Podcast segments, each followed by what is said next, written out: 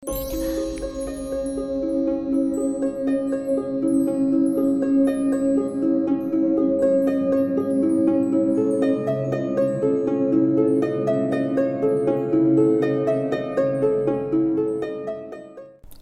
cerita ini dimulai saat salah satu tetanggaku meninggal dunia.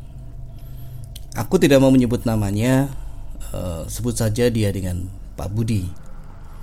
Pak Budi ini dikenal sebagai orang yang tidak baik. Dia suka sekali berjudi dan minum minuman keras. Bahkan aku dengar dia suka berpelesir ke rumah bordil. Kelakuannya yang buruk seperti itu didukung oleh kekayaannya dia memperoleh harta yang sebegitu banyak itu pun dari perbuatan yang tidak baik yaitu dengan cara meminjamkan uang dengan bunga tinggi entah kalian mau menyebutnya rentenir, lintah darat atau apa pun juga terserah saat dia meninggal semua warga tidak ada yang mau ke rumahnya tetapi saat melihat istrinya yang menangis meminta tolong dan salah satu kiai menyarankan untuk menolong sesama muslim meski Aku kurang yakin Pak Budi muslim atau bukan karena aku belum pernah melihatnya sholat. Akhirnya para tangga bersedia menolong. Aku yang masih remaja diajak ayah untuk ikut.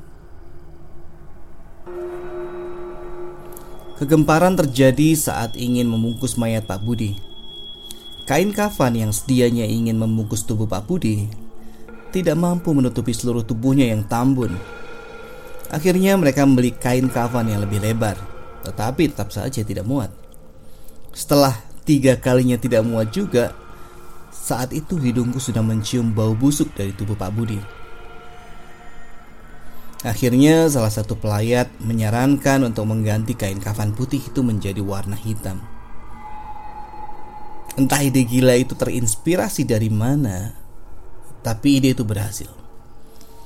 Tubuh Pak Budi bisa dibungkus dengan kain kafan berwarna hitam itu dengan sangat mudah. Seakan-akan itu adalah kain kafan yang sangat pas untuknya. Entah kenapa bulu kuduku meremang. Baru pertama kali dalam hidupku aku melihat mayat dibungkus dengan kain kafan berwarna hitam. Mungkin ini untuk pertama kalinya dalam sejarah kain pembungkus mayat yang menggunakan warna hitam. Setelah keranda datang, para pelayat segera membawa mayat Pak Budi ke musola untuk disolati. Aku saat itu tidak ikut karena hujan lebat. Lebih baik tidur dalam suhu yang dingin ini. Saat tiba di rumah, semua orang tidak ada karena mereka semua pergi ke rumah duka untuk membantu.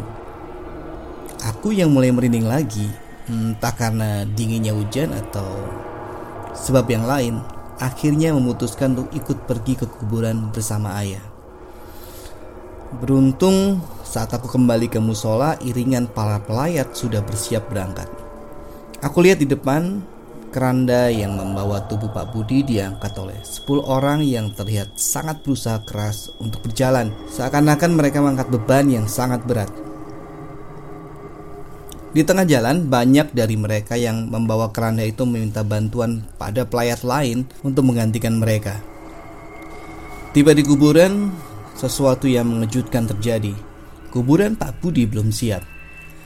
Menurut para penggali kuburan yang berjumlah lima orang itu, mereka sulit menggali karena tekstur tanah yang keras meski saat itu turun hujan.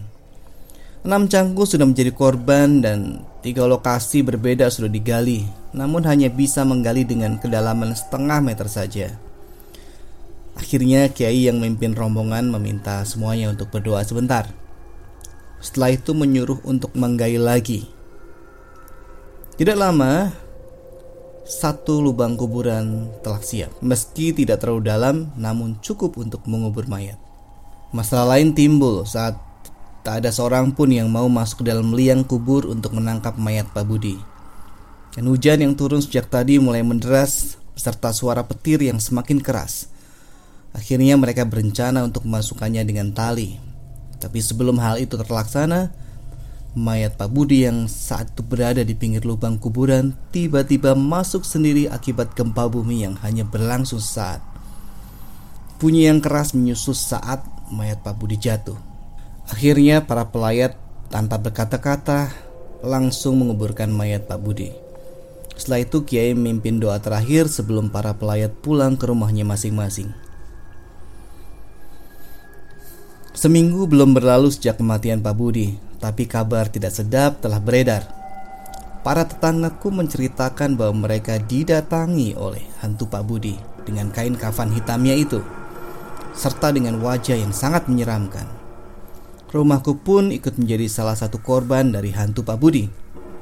Tapi beruntungnya aku tidak melihatnya, hanya orang tuaku saja yang diganggunya. Baru setelah kabar itu beredar, keluarga Pak Budi menyarankan untuk tidak menceritakan perihal hantu Pak Budi pada siapa pun. Akhirnya, hantu Pak Budi tidak pernah muncul lagi. Sebulan kemudian, aku pergi keluar kota untuk mengunjungi temanku. Aku bercerita perihal Pak Budi. Alasanku menceritakannya pada temanku, ya karena sudah sebulan hantu Pak Budi tidak muncul dan ini di luar kota. Apalagi temanku tidak kenal dengan Pak Budi. Tetapi aku salah. Setelah aku pulang, sehari kemudian temanku menelponku. Katanya dia didatangi hantu yang ciri-cirinya sama persis seperti yang aku gambarkan. Dalam ceritanya dia sampai ngompol di celana. Aku yang tidak mudah percaya sehari kemudian pergi ke rumah temanku yang lain. Dan rumahnya lebih jauh.